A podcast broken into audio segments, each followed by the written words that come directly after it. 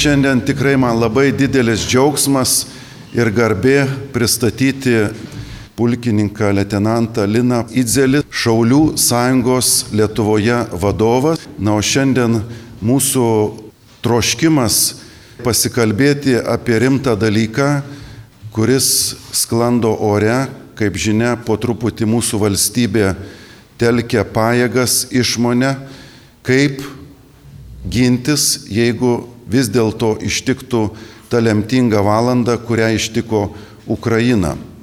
Patvirtintas vadinamas Lietuvos gynybinis planas, kuriame taip pat įtrauktos nevyriausybinės organizacijos, būtent Karitas, su kuriuo valstybė kalbasi, bet taip pat ir bažnyčia plačiajame prasme, nes tai yra pilietinė visuomenė ir čia mūsų tikėjimas sako, kad ginti savo valstybę, tame tarpe ir karinių pasipriešinimų, yra artimo meilės darbas. Mes katekizme kalbam apie vadinamą gynybinį karą, kuris yra pareiga žmonėms pirmiausia ginti savo šeimą, savo bendruomenę, savo tėvynę. Tai bažnyčia iš tikrųjų yra didelė šeima, kuri gali prisidėti prie šios labai svarbios valstybės gynybos iniciatyvos ir Šaulių sąjunga yra viena iš valstybės įkurtų organizacijų, kurioje kalbama apie pilietinio pasipriešinimo įgūdžius, kviečiami žmonės prisijungti prie tos komandos, kurie reikalui esant nepanikuotų, bet priimtų tą pareigą ginti tėvynę. Šiandien mes gerbiamą pulkininką leitenantą Liną pakvietėme, kad pasikalbėti, o kokiu būdu gali tas pasipriešinimas vykti, kaip mes kaip bažnyčia galėtume prisidėti ir tuo pačiu susipažinti su labai svarbia Lietuvoje esančia organizacija Šaulių sąjunga. Taigi, gerbiamas Linai, jums žodis. Labadiena visiems, ačiū, kad priimate. Pirmiausiai norėčiau garbė šaulį vieną apdovanoti, kuriam sukako 85 metai. Jūsų eminencija kardinolis Sigitai Tamkevičiau, broli šauly. Nuoširdžiausias ačiū jūsų tarnystę Dievui, Lietuvai ir tautai, bei visą gyvenimą nešamą laisvę šviesą. Linkime, kad ir toliau nepristiktumėte energijos ištvermės bei kantrybės tęsti šią šventą misiją tėvynės labui. Te palaimina viešpats jūsų kelią.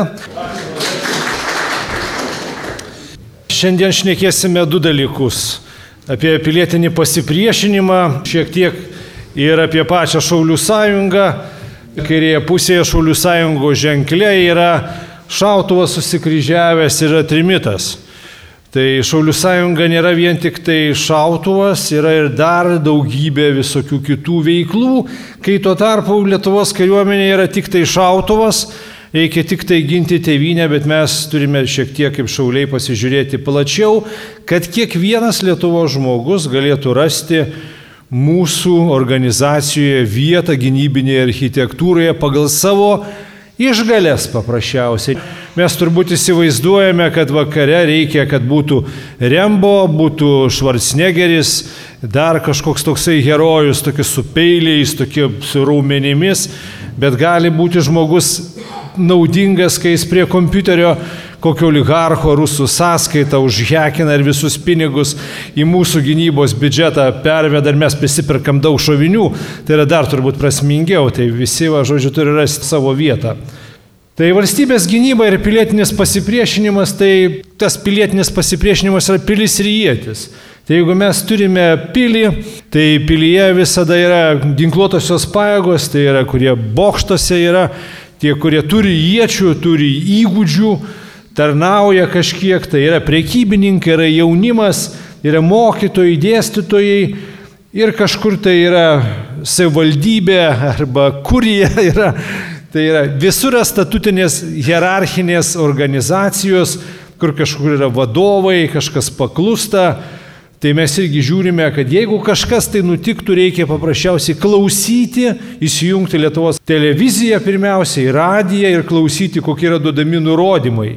Ten vykti, tą daryti, kad žmonės nepanikuotų, nes visiems šia atvejam nepasiruoši.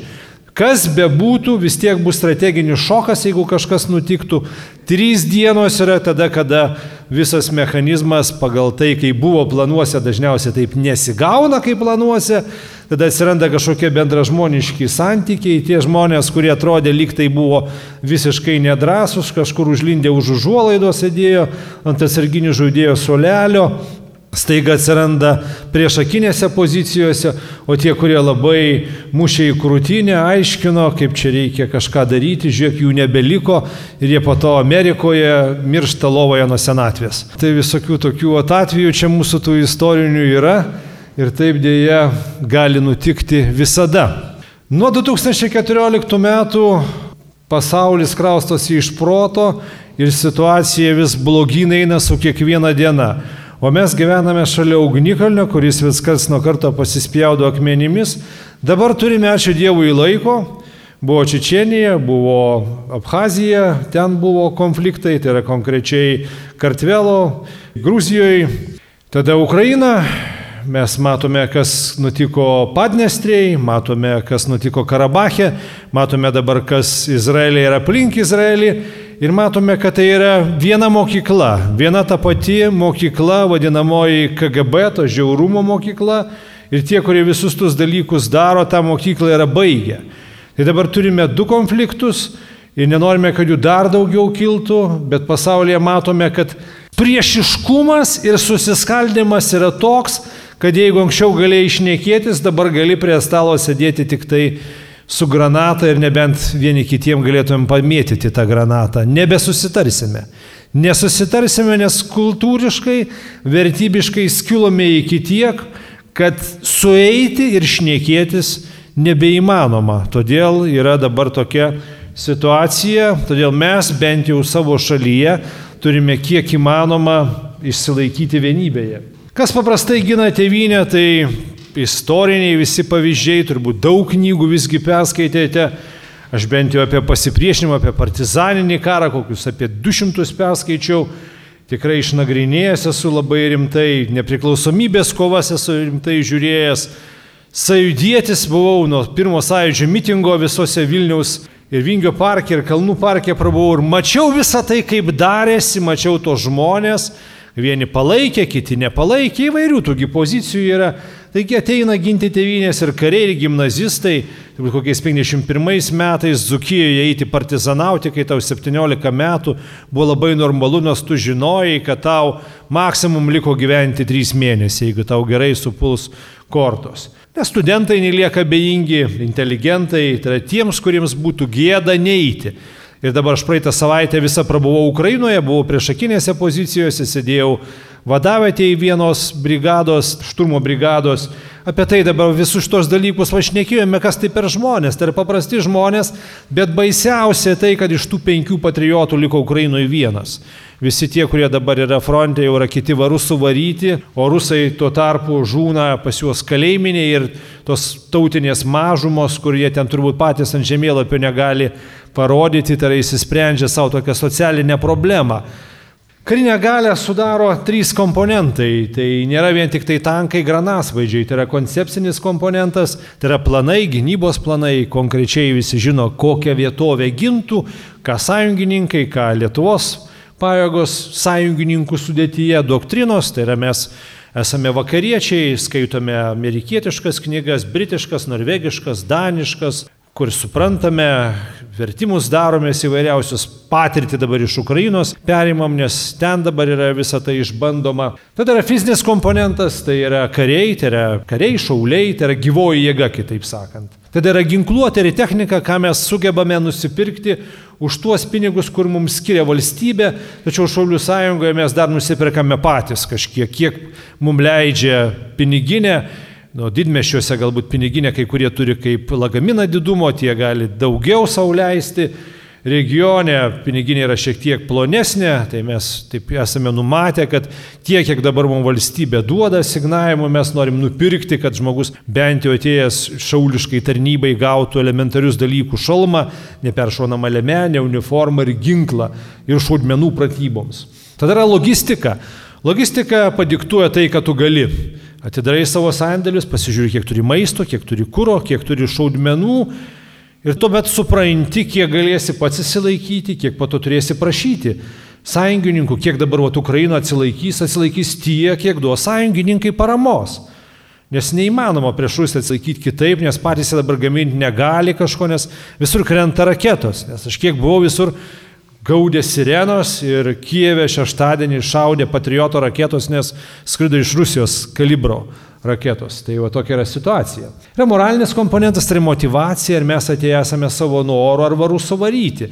Ar atėjome savo norus, sakome, žiūrėkite, va su šitais, tai tikrai mes kovosime iki paskutinio krojo lašo ir vadyba Tai yra, kas vadovauja, kokius stilius naudoja, ar turi tvirtą lietuvišką nugarkaulį, ar yra meba tokia, žodžiu, košė, kur trypčios, tenai, žodžiu, makaluosis ir žiūrės, o gal čia dar nekariaukime, dar čia dar palaukime kažko, tai Labai irgi tai priklauso, nes yra labai, moralė yra labai daugas. Ir kasgi ta moralė, tai yra karių skaičius, ar tai yra 3000, ar 30 tūkstančių, ar 200 tūkstančių apginklavimas, ar tai yra moderni ginkluotė, ar tai yra sena ginkluotė, nes kai taikiniai pradėjo šaudyti į tave, atgalio supranti, kad nori modernios ginkluotės, apmokymas, ar tu iš tikrųjų treniruojasi taip, kaip kariautum, ar tik tai dėl to, kad į dienyną įrašyti, kad va pravedėm tokią ir tokią paskaitą ir parašome čia tokį pažymį kažkokį tai, kad atvažiavę iš Vilniaus inspekciją būtų visi labai patenkinti skaitydami tą mūsų sąsiuvinį.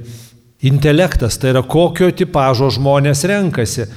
Ar turi smegenų, ar tai yra šiuolaikiški žmonės, nes dabar gali laimėti tik tai technologinis karas. Tu negali prieš Rusiją pasipriešinti, nes jie turi 17 milijonų mobilizacinį rezervą, dabar jie prarado 200 tūkstančių, jie nepajautė nieko paprasčiausiai, jie neturi tų ribų paprasčiausiai. Mes vakarų pasaulyje, mums vienas žmogus yra vertybė, praradimas ten 200 tūkstančių ir nieko. Nieko pasidalina kariškiai su šeima per pusę, tą, kur gauna išmoką iš valstybės, ten šeima balių padaro kažkur kaime, o viršininkas savo mašiną nusiperka. Tai va taip yra. Tai jeigu moralinis komponentas lygus nuliui, čia gali ko nori prisipirkti, gali technikos geriausias, moderniausias prisipirkti, niekas nesuveiks, suveiks iki pirmo šūvio. Todėl yra vidinis užtaisas labai svarbu žmoguje. Prieš užtaisant ginklą reikia užsitaisyti širdį ir galvą. Aš turėjau tokį tyrimą nuo 1812 metų iki nepriklausomybės atgavimo, kiek pasipriešinime dalyvavo Lietuvoje žmonių su ginklu rankose. Tai paėmiau Napoleono kariuomenį, kiek tarnavo lietuvių, kiek per 830-31 metų, 63-64 metų sukilimą, nepriklausomybės kovas, toliau Birželio sukilimą 41 metų, karas po karo, Taipogi, kai stovėjome laisvės kelyje, Baltijos kelyje, buvome prie Bokšto radio televizijos komiteto, aš Vilnietėse esu, tai ten buvau, Bet žinau, kad čia vyko ir Kaune visą tai, aš kadangi tarnavau po to ir Klaipėdo, ir Šiauliuose, žinau, kad ir ten buvo objektų saugojimas, ir ten patriotai buvo susirinkę. Tai ne tik tai, ką aš mačiau Vilniuje, reiškia, buvo ir kitur panašiai, tik galbūt tiek masas buvo kitoks. Ir paprasti žmonės atėjo su medžiokliniais šautuvais arba iš revoliucijos muziejaus, Šiauliuose iš Aušros muziejaus pasėmė tokią antro pasaulinio karo ginkluotę, galbūt kuri nėra labai efektyvi ir moderni, bet tu vis tiek gini nepriklausomybę, nes nepriklausomybę reikia ginti, kad ir su lasda. Svarbu, kad noras būtų ginti tėvynę. Tai va yra nuo 0,5 iki 4 procentų tie, kurie stovi su šautuvu rankose, turintys tą kovinį geną. Tai čia vat klausimas kyla, kiek tokių žmonių turi tėvynėje būti, kurie sušautų, jeigu iškyla kažkas, tai išstoja ginti tėvynės. Tai Friedricho didžiojo laikais Prūsijoje sakydavo, čia knyginis yra variantas, 3-5 procentai, jeigu 3-5 procentai išstoja, kaip kad, pavyzdžiui, nepriklausomybės kovos. Buvo baudžiaunikai žmonės, nelabai norėjo ginti tėvynę 19 metais Lietuvoje už tai, kad atėjai savanorių, gavai 3 hektarų žemės, atėjo 15 tūkstančių. To neužteko. Teko šaukti žmonės prievartą, nes valstybė turi turėti prievartą, nes kitaip neapginsi. 53 tūkstančiai tada stojo, jau buvo šioks toks procentas ir tie 53 tūkstančiai apgynė tėvynę netgi kariaudami trijose frontuose.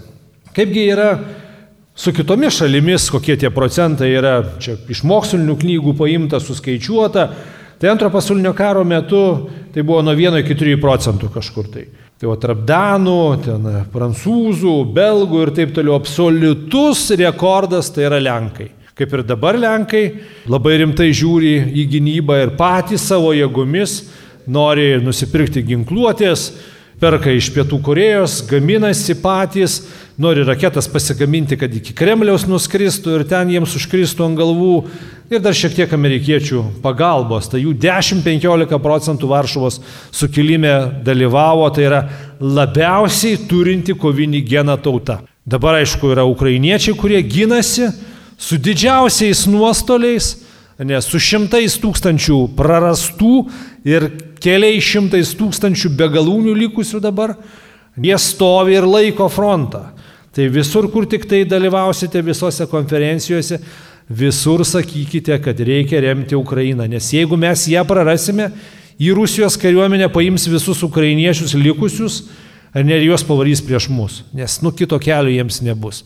Jų vaikai visi mokės rubliais McDonald'e kaip ir nutiko 44 metais, kur frontas praeina visur ir dabar Ukrainoje kariauja kitoj pusėje, tie Luganskė, Donetskė, okupuotose teritorijose, ukrainiečiai paimti į Rusijos kariuomenę prievartą. Kito kelio nėra, tu arba į priekį eini, arba tave gali nušaus. Tai o šitą reikia visiems transliuoti, nes tai yra baisu, jeigu tie kariaujantys žmonės dar būtų susirpti į Rusijos kariuomenę. Nuo ko priklauso sėkmė, tai visada reikia pagalvoti, kur yra tavo vieta. Turi įvertinti, ką pats galėtum iš tiesų. Tada yra įgūdžiai, turi profesionaliai atlikti savo užduotis. Tai jeigu esi tarnavęs, tai mes irgi labai raginame tie, kurie yra tarnavę, kad ateitų į Šaulių sąjungą, nes mes treniruojame savaitgaliais ir dar gali pasimti kokį vieną savaitę atostogų ir nuvažiuoti kokį specializuotą kursą. Tada yra priemonės, tai yra koks ginklas stovi pas tave seife. Ir mes esame A kategorijos organizacija, mes laikome ginklus namuose. Tai yra labai toks pasitikėjimas yra tada savimi atsiranda, vadovybė, valstybė, nes nu, tau valstybė įstatymiškai leidžia laikyti automatinį ginklą namuose. Tai yra didžiulis pasitikėjimas, kad tu nepradėsi šeštadienį kvailioti, kokį kaimyną ten santykius aiškintis. Tai daug dievė tokių atvejų nėra Lietuvoje, reiškia žmonės yra sąmoningi, Nors vakarų pasaulyje matome, kad yra kitur jau yra žmonės su įlūžusiais stogais, nuvažiavusiais ir užsidegusiais, ypatingai po COVID, pasimatė, kokia yra situacija su žmonėmis, kad visa tai, kas buvo toks votis, pratrūko. Na, tai ačiū Dievui, kad pas mus nėra taip stipriai visą tai įvykę. Vienas kaunas į dešimt turi remti, tai jau, ką sakė Lukša Daumantas, kad bėda ne priešuose, mes čia visada jų turėjome, tų priešų pirmą kartą Lietuvos vardas buvo paminėtas, irgi mes ten kažką nukirzdinome, tai ir po to vis ten mūšis, mūšis, mūšis ir mūšis, visa ta Lietuvos istorija yra kažką plėšiam arba plėšiam mus. Tokia yra, nes, nu, taip jau nutiko čia, geografinė tokia mūsų vieta yra, kad teko arba taip, arba taip daryti. Tai turime turėti draugų. Tai dabar esame NATO nariai, Tai niekada taip saugu Lietuvoje nėra buvę kaip dabar. Ir taip gerai Lietuvoje žmogus niekada nėra gyvenęs istoriškai, kokius dabar turime namus, kokius automobilius. Tai buvo tik tai bajoro Lietuva, o tas sluoksnis žmonių, kurie lenkė nugarą, tikrai to neturėjo ir šansų jokių nebuvo. Todėl laisvė visą tai mums suteikė turėti. Bet tas, kas nesikauna, turi padėti. Tai irgi čia yra toksai signalas. Tai galima visuomenės reakcija, mes tai pagalvojom, kas galėtų nutikti. Tai vieni liktų tapti savanoriais ir eitų kovoti. Paprasčiausiai yra su medžiokliniu šautuvu. Aš dabar buvau pas vieną generolą, kuris Kievo administracijos vadovas, buvęs sausumos pajėgų vadas, generolas pulkininkas Popko. Sako, kai kažkas nutiko, mes visi tie, kurie Buvome jau pensijoje išėję, vis tiek atsidarėme seifus, pasėmėm ginklus, mūsų niekas nekvietė, mes patys atėjome kartu su spets pajėgom, dar su kitais žmonėmis, kurie leido dronus, nustatėm, kur rusai juda ir ten juos visus, žodžiu, pribaigėme. Ir taip didžiuojasi, sako, va, nors mūsų tai Matai, tevinė pavojai, tai ką tu sėdėsi, lauksi, kol tave ateis iš lovos iškrapštys. Nu, tai įmiesi iniciatyvos eini ir kovoji. Jeigu negali, tai teik ir padėk tokiu atveju. Kiti, aišku, liks pasyviai slėpsis. Dabar buvau praeitą savaitę Orechovo. Orechovo tai yra 20 km nuo Zaporyžės, viskas subombarduota. Rusai mėtė ten mėnesį laiko 500 kg fabus, vadinamosius bombas. Nei vieno sveiko namo.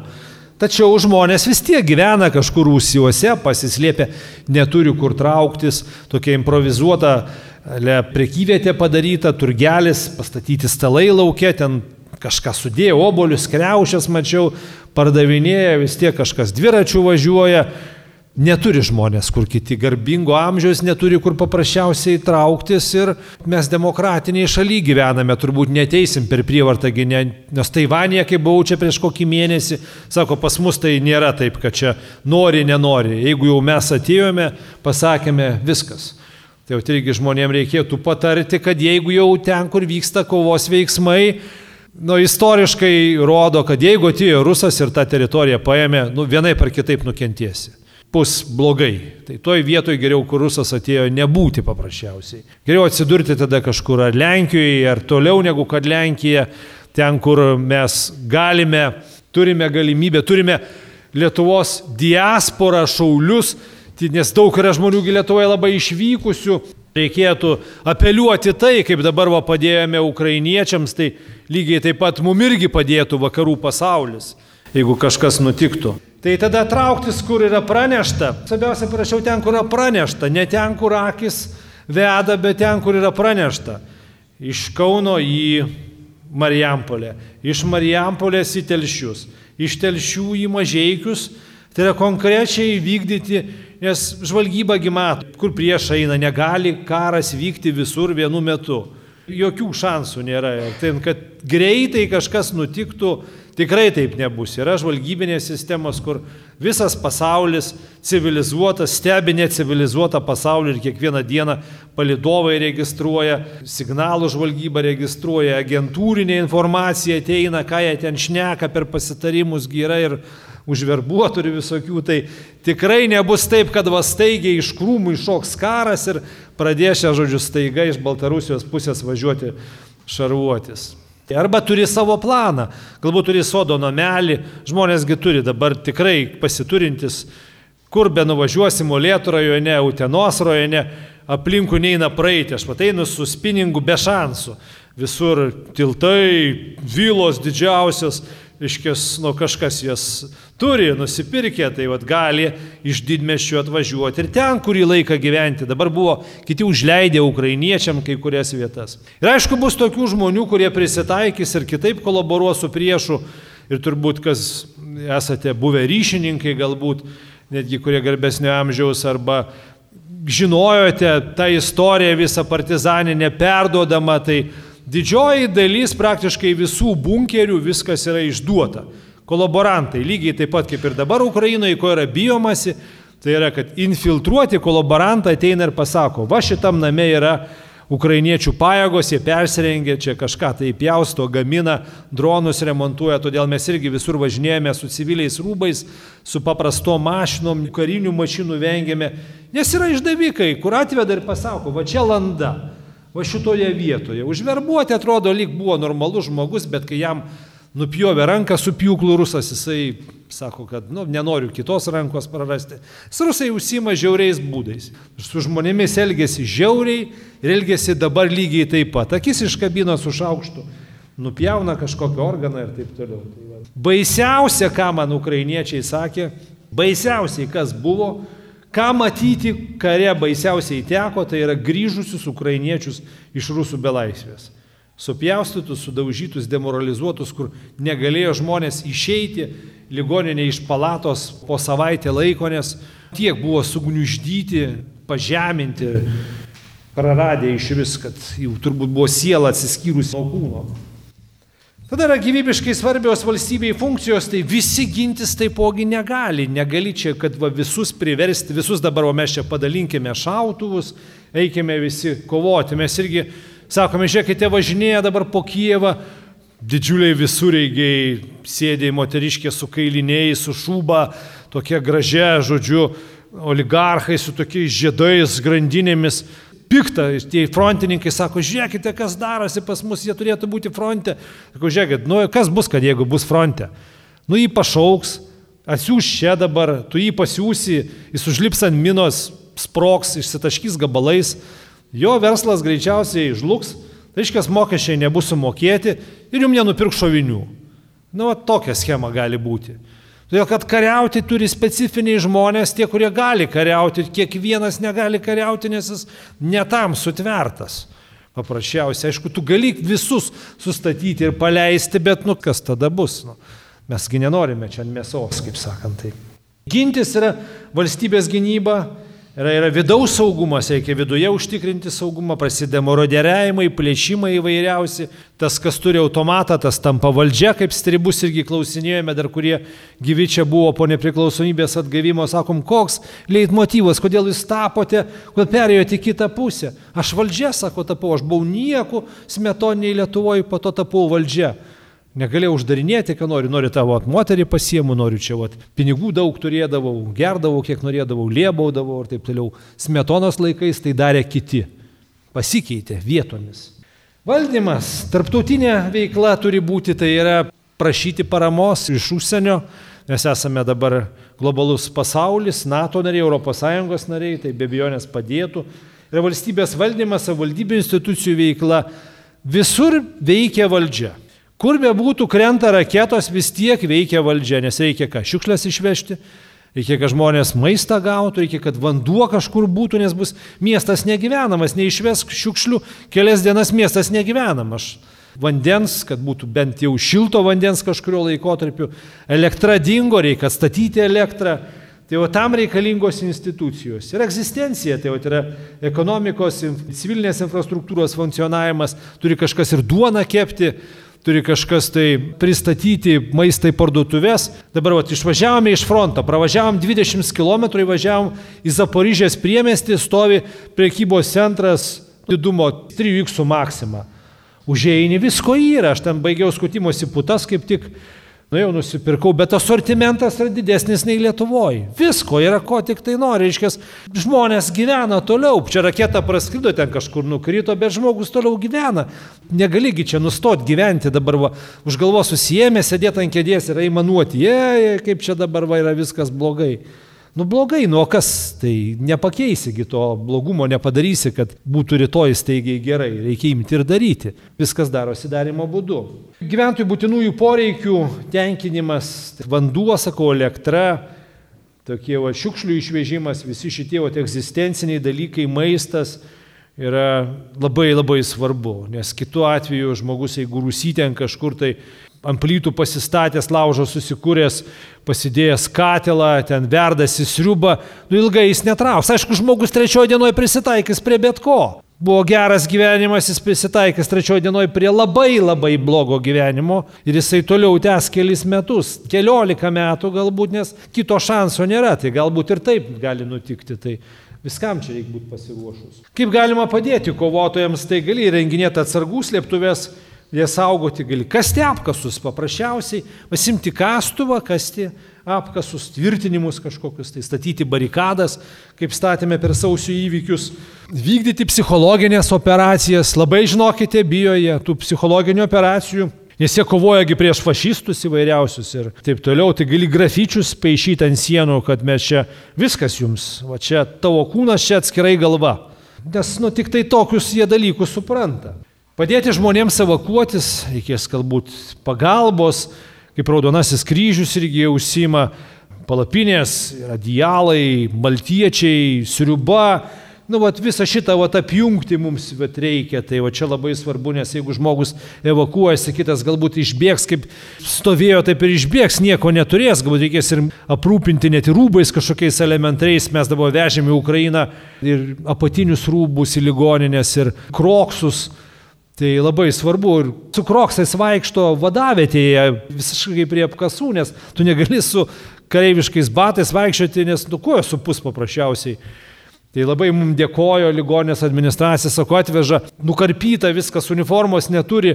Tai va, žiūrėkit, sako, atvežėte, va, patinio trikotažo, tokio paprasto vakroksų, sako, žiūrėkit, kaip gerai kareiviams bus, va, nuprausim, aprengsim, sako, ką jūs atvežėte.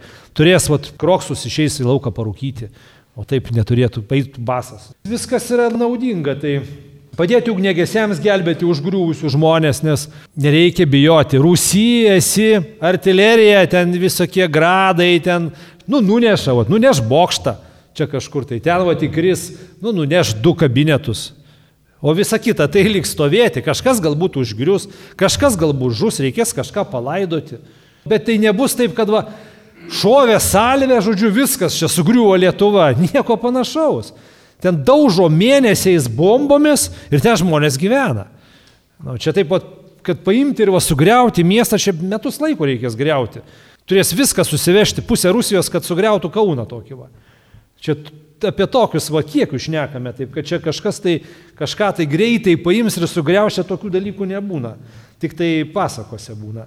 Gaminti maistą pristatyti kovotojams, veikti kaip medicinos personalas, tai va, apsimokyti galbūt slaugos funkcijų tokių, va, reikėtų va, kaip veikti kaip slaugytojais.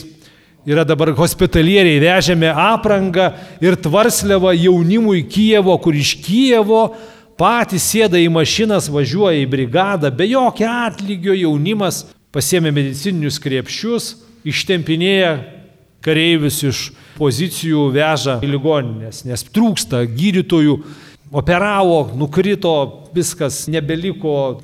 Labai reikia tokių, kad pamaina būtų, kad ir su blogesniais įgūdžiais, bet vis tiek, kad žmonės išgelbėtų. Rinkti informaciją apie priešą, prižiūrėti kovotojų uniformas, gali būti pasiuntiniais, gali būti, va, paprasčiausiai gauni užduoti voką nunešti iš taško A į tašką B ir atpažinti kolaborantus ir išdavikus. Šituo žinokite labai svarbu. Nes jie norės pasielgti su jumis negražiai, o reikėtų mums pirmiau pasielgti su jais taip pat. Nes, nu čia, kare yra juoda balta. Dabar mes turime daugybę spalvų įvairiausių ir kaip su gamta reikia šnekėtis tūkstančiais kalbų, mes su žmonėmis irgi tūkstančiais kalbų kalbame. Jeigu kažkas nutiks, yra dvi pusės, arba už mus, arba po žemėm. Dar antra dalis apie Lietuvo Šaulių sąjungą, tai kasgi čia per organizaciją, tai yra savanoriška sukarinta pilietinė savyginos asociacija. Ir kaip Putvinskis kūrė ją 1919 metais, buvo maroderiavimas, vaikščiojo bermontininkai, caro armijos likučiai, vokiečių armijos likučiai, Lenkų kariuomenė, raudonieji buvo tie, pradėjo plėšti, paprasčiausiai plėšti, prievartauti paprastą žmogų, kuris gyvena kažkur regione, žmonės telkėsi partizanų vienetus ir buvo mintis tokia, kad kiekvienas Lietuvo žmogus mokėtų naudotis ginklu. Paprasčiausiai jis netaps kažkokiu ten dideliu profesionalu, bet kad mokėtų užtaisyti ginklą, išvalyti ginklą, tai jį prižiūrėti ir iššauti maksimaliai taikliai į priešą. Jeigu ir netaikliai išausi priešas iš giršų, vis tiek kažkur atsiguls, pradės lėptis, trauktis, vis tiek kažkiek tai, tai veikia. Tai va, tokia yra savyginos asociacija. Tai vadovaujamės mes savo įstatymu, šis valdžia mums duoda ir finansavimą, turime savo įstatymą, tai įstatymo ribose veikiame. Tai kad mes nepelno siekianti esame, tai va teisiškai, sakau, turime savo lojali organizaciją valstybei, pagal savo įstatymą ir kitais reglamentais ir veikiame atskirai nuo ginkluotojų pajėgų, bet karo atveju būtumėm ginkluotų pajėgų sudėtinė dalimi, nes negali būti dešimt vadovų. Yra statutinė hierarchinė gynybinė sistema, yra ginkluotų pajėgų vadas ir prezidentas, yra kariuomenės vadas, kuriam yra deleguojama užduotis kad čia nebūtų pavienių kažkokių tai kovotojų, visus reikia suregistruoti, sužymėti, turi būti padaliniai, aiškus vadovas, pažymėti, kad vieni kitų nenušautumėm, slaptažodžiai, atpažinimo ženklai įvairiausi ir visi pavaldus esame vienam ginkluotų pajėgų vadui. Veiklos rytis kokios yra, tai yra šalies gynybinė potencialo stiprinimas ir labai svarbu, kad tautiškumo, pilietiškumo ir patriotiškumo ūkdymas pilietinės visuomenės puoselėjimas Lietuvoje. Kultūra, edukacija yra du dalykai, ant kurių viskas laikosi Jeigu nori kažką tai remontuoti, reikia remontuoti tik šitos dalykus. Edukaciją suremontuosi, po 15 metų turėsi labai rimtą rezultatą. O kultūra tai yra daug kas įeina į kultūrą. Čia yra kognityvinis mūšio laukas, tai yra kultūra, religija, kaip mes sprendimus priimam, kokia mūsų mokymo kokybė mokykloje, universitete. Ne pagal tai priešas gali nuspėti, kokią mes lygį čia esame pasiruošimo bendrame. Tai va, yra tas šauliškumo puoselėjimas ir sklaida Lietuvos visuomenėje Dažniausiai šaulys atveda kitą šaulį. Patys galbūt tapsite, nes čia reikia, žinot, kaip geriausias, sako, mažiausias padalinys, kuriam tu vadovaujasi tu pats. Tu savo pirmiausia suvadovauji, tu ateini, parodai pavyzdį, kaip ir ten tas pavyzdys, pamokymas prievarta, 3P, maršalas Limo. Jeigu kažkas nutinka, tai trečias P yra labai irgi svarbus variantas, įsakymas, darome taip ir ne kitaip. Negali būti kažkaip tai kitaip, nes jeigu jau tėvinė pavoja, tai tik tai 3P. Dar kartą kartoju jos, tai yra pavyzdys, pats darai, pamokymas, tai yra metodologijos ir tada yra prievarta. Tai yra išleidai įsakymą, 10 val. visi stojame čia susirikiavę, o būkite be 5-10, visi įsitraukia blanknotus ir pasiruošę rašyti. Kitaip neveiks. Vienintelis dalykas, kuris gelbėja, kai kažkas nutinka disciplina. Jeigu nėra disciplinos, šakės. Narių skaičius, tai mes turime virš 8,5 tūkstančio suaugusių ir virš 5,5 tūkstančio jaunųjų šaulių. Iki 14 metų, kol Ukrainos neužpuolė Rusija, jaunųjų šaulių buvo daugiau negu kad suaugusių. Tačiau čia buvo pirmas skambutis, 22 metai, antras skambutis. Atėjo žmonės, kurie buvo netarnavę kariuomenėje, nes mes visų nepašaukėme į tarnybą, dabar yra loterija ir vis tiek ta loterija yra mažiau pašaukiama negu kad yra imtis, pavyzdžiui, imtis yra kokia to šaukiamo amžiaus, kokiu 20 tūkstančių ar 30 tūkstančių mes pašaukėme 4 tūkstančius, reiškia, kiti lieka žmonės neparuošti, o galbūt kiti irgi turi visai neblogą potencialą savyje, gerą jų užtaisą. Esame dislokuoti per visą Lietuvą, tai yra dešimt apskričių, tai teritorinių pagrindų. Pirma rinktinė yra Lytus, antra yra Kaunas, čia Kaune taipogi yra štabas, trečia yra Klaipėdoje, ketvirta yra Marijampolėje, penkta yra Panevežy, šešta Šiauliuose, septinta Tauragėje, aštunta yra Telšiuose, devinta Utenoje, dešimta yra Vilniuje. Vilniuje praktiškai yra vos ne pusė suaugusių šaulių. Iškės yra Vilnius, Kaunė pakankamai yra neblogai, tiesą sakant, Klaipėdoje, taip ant ribos, sakyčiau, kitur regionuose, žinokit, yra prastai. Iš karto galiu pasakyti tiesiai išviesiai, regionas yra prastai. Nes nėra žmonių, kiti yra ūkininkai, kurie sako, žiūrėkit, aš labai dirbu, tada prieini prie medžiotojo, sako, žiūrėkit, kada pas jūs susėmimai šeštadienį sekmadienį, aš sako, šeštadienį sekmadienį medžioju. Nu, neturiu laiko, kada arba tą, arba tą tada turėsiu rinktis. Tai, nu, tada galbūt kas antrą savaitgalį. Arba visus savaitgalius, bet tada žmona iš namų išvarys. Na irgi taip blogai tada. Tai jaunieji šauliai, tai yra nuo 11 metų iki 18 metų. Būna pilietiškumo, patriotiškumo puoselėjimas. Svarbiausi tokie momentai trumpalaikės Ir vasaros būna stovyklos, tai stovyklos būna per atostogos moksleivių pagrindė. Ir mes jau tuos jaunuosius imame nuo 11 metų tam, kad iki 18 metų praeitų keturias pakopas. Jų įrengimą darome pagal Britų kadetų. Manom, kad Britų kadetai yra geriausia pasaulyje, geriausia mokykla tai yra keturių pakopų ir ketvirta pakopa jau tave ruošiame kaip vadu. Ir jeigu jau tu po to ateini į kariuomenę, paprastai jau tie, kurie baigia keturias pakopas, jau instruktoriai pasako tada, žiūrėk, tai dabar tu būsi mano pagalbininkas, mokyti kitus. Nes mes jį paruošėme, jeigu iš jo paimti žaislinį automatą, duotum tikrą automatą, jis tikrai sukariautų jau, turėdamas keturias pakopas.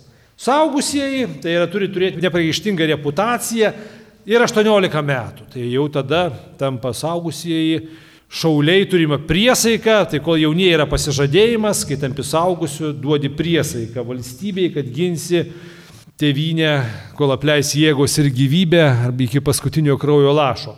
Tai ta priesaika irgi yra labai labai svarbus momentas ir mes neturime amžiaus cenzo.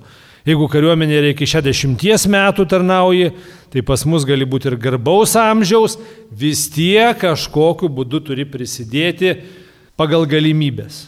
Gali užsišaldyti truputėlį, maži vaikai būna pas kitus, nebūna šauliško veikloje, vaikai auga, vėlgi grįžta į šaulišką veiklą, taip ir gyvename. Šauliai tai įvairūs užsiemimai yra, yra koviniai vienetai, kurie priskirti prie kariuomenės, taipogi apsaugos vienetai, nesaugome karinius dalinius ir sandėlius ir sąjungininkų sandėlius, tuo pačiu tai atliekam labai svarbią funkciją, rekomendantiniai vienetai, tai va žmonėm padėti užnugaryje yra nekinetiniai, tai yra irgi slaugos funkcijos įvairios, va, kad žmonėms būtų gyvybiškai svarbios funkcijos užtikrinamos, tai yra padėti administracijai savivaldybių administracijai, kibernetikai ir, ir, ir taip toliau. Tad jaunųjų šaulių patriotinis pilietinės ūkdymas labai svarbu, kad dabar mes pradėjome trijų dienų kursą devintose klasėse pilietinės gynybos įgūdžių kursas. Tai yra 27 tūkstančiai devintokų, tokia dabar yra imtis ir nuo kitų metų turime pravesti 100 procentų tiem 27 tūkstančiams užsiemimus. Tai nėra lengva užduotis, nes reikia nupirkti ir instruktorius, reikia ir transporto skirti. Tai tikrai turime labai nemažai iššūkių, bet versimės per galvą, nes nuo to priklauso Lietuvos ateitis. Kaip mes dabar tą jaunimą užtaisysime, tokį mes gausime rezultatą ateityje. Jeigu mes norime patriotų, tai reikia atsiversti Antano Maceinos daktaro disertaciją. Ten parašyta, kaip atrodo tautinis auklėjimas, tai yra šeima, darželis, mokykla, bažnyčia, kariuomenė, Šaulių sąjunga, universitetas ir visi šnekame mes nuosekliai apie patriotizmą. Naratyvai tie patys, temos ir žinutės tos pačios. Mes šnekam apie tėviškę, apie tėvynę, apie meilę tėvynę, apie pasiaukojimą, apie tokius vadalykus. Nes patriotizmas čia buvo pas mus jau taip prieš kokių 20 metų, taip jau čia paslėpė kažkas po kilimu, sako, žiūrėkit, čia toks nėra geras dalykas, o patrija, taigi čia yra tėvynė. Ir va, pajėgumų vystimas, čia visiškai jų pabaiga, tai yra pajėgumų vystimas, tai į ką mes orientuojamės. Mes dabar esame 23 metais su tokia prasta situacija, tas mūsų rengimas toks nėra labai efektyvus iš tikrųjų. Ir 305 metais norime, kad organizacija gerokai pagerėtų, skaitlingumas būtų iki 50 tūkstančių, netgi paauktų. Aišku, tai galbūt nėra ypatingai realu, Bet bent jau pastiprinti organizaciją ir dar naujų narių pritraukti tikrai norėtumėm, kad kiekvienas žmogus varastų savo vietą, nes kiti galbūt nežino apie tą organizaciją. Aš esu vedęs čia technologijos universitete paskaitą, o čia technologijos universitetas nuo Šaulių sąjungos štabo yra per 500 metrų pravedžiau paskaitą, sakau, ten irgi pakėlė ranką vienas docentas, sako, kur man va irgi prisidėti prie tėvinės gynybos, sakau, iki Šaulių sąjungą, o kas čia tokio, sako, per organizaciją, sakau, čia žodžiu už 500 metrų, sakau, čia jinai yra, o tikrai, sako, geras negirdėjau, bet po to liktai girdėjau, kad nuėjo, net ir atskira būrį ten buvo, technologijos universitetas susikūręs, tai kiti neturi tos informacijos, paprasčiausiai gyvena savo informaciniam burbule, o jo tam informaciniam burbule nėra paprasčiausiai tos informacijos, nes jis domisi visiškai kitais dalykais. Tai mes mažų padalinių taktiką vystome, individualius įgūdžius, rengiam instruktorius, vadybos kursus vedame, taikliųjų šaulių, snaiperių, granasvadininkų, kulkosvadininkų, va, informacinių technologijų, medicinos, logistikos, žvalgybos, karo inžinerijos, bepiločių orlaivių, kas dabar yra labai svarbu, rezistencijos kovos, tai yra kaip likti prieš užimtojo teritorijoje ir daryti įvairiausias blogybės jam, jūrinių operacijų, kibernetinių operacijų, psichologinės operacijos irgi. Tai štabo darbo, vadų rengimo, nuotolinio mokymo, nes ne tik tai kursai vyksta taip klasėje, bet ir nuotoliniai, nesmurtinio pasipriešinimo, tai va, yra jaunųjų šaulių rengimo. Ir turime dar tokią iniciatyvą, norime Lietuvoje kuo daugiau rengti šaudyklų, ypatingai regionuose, nes jų labai trūksta, kad šauliai galėtų atvažiuoti pasitreniruoti, kad būtų ir kilometro galimybė pašaudyti, 600 metrų, nes dabar tokių civilinėje apyvartoje nebeliko paprasčiausiai. Tai jau dabar Žemaitijoje turime nusimatę vietą Bet jeigu kažkur tai kažkas norėtų ar žemės kokios paukoti, reikėtų apie kokių 20 hektarų normaliai padaryti tokių šaudyklų kompleksą, nes būna kartais tokie, va, žmonės nežino, kur tą žemę panaudoti kitą kartą. Aš čia parašiau žemaitiškai, žodžiu, tavo pabaigą, kad jeigu mes čia labai normaliai ruošiamės, tai nelabai čia kas norės ateiti. Nes vis tiek lietuviai turi nuo seno tokį nu, karinį geną ir istorijos vadovėliai, kur priešas irgi skaito istorijos vadovėlis, kaip atėjusiems buvo labai blogai, kad čia negryžo, visai nemažai čia jų kaulelių visur yra sulaidota. Tai mes irgi čia, jeigu jau ateis, tai geruoju, ne, čia visus pakelės grevyrus sulaidosime, tai čia per daug tegul nesidžiaugia savo to noru. Tai va tai tiek tos paskaitos.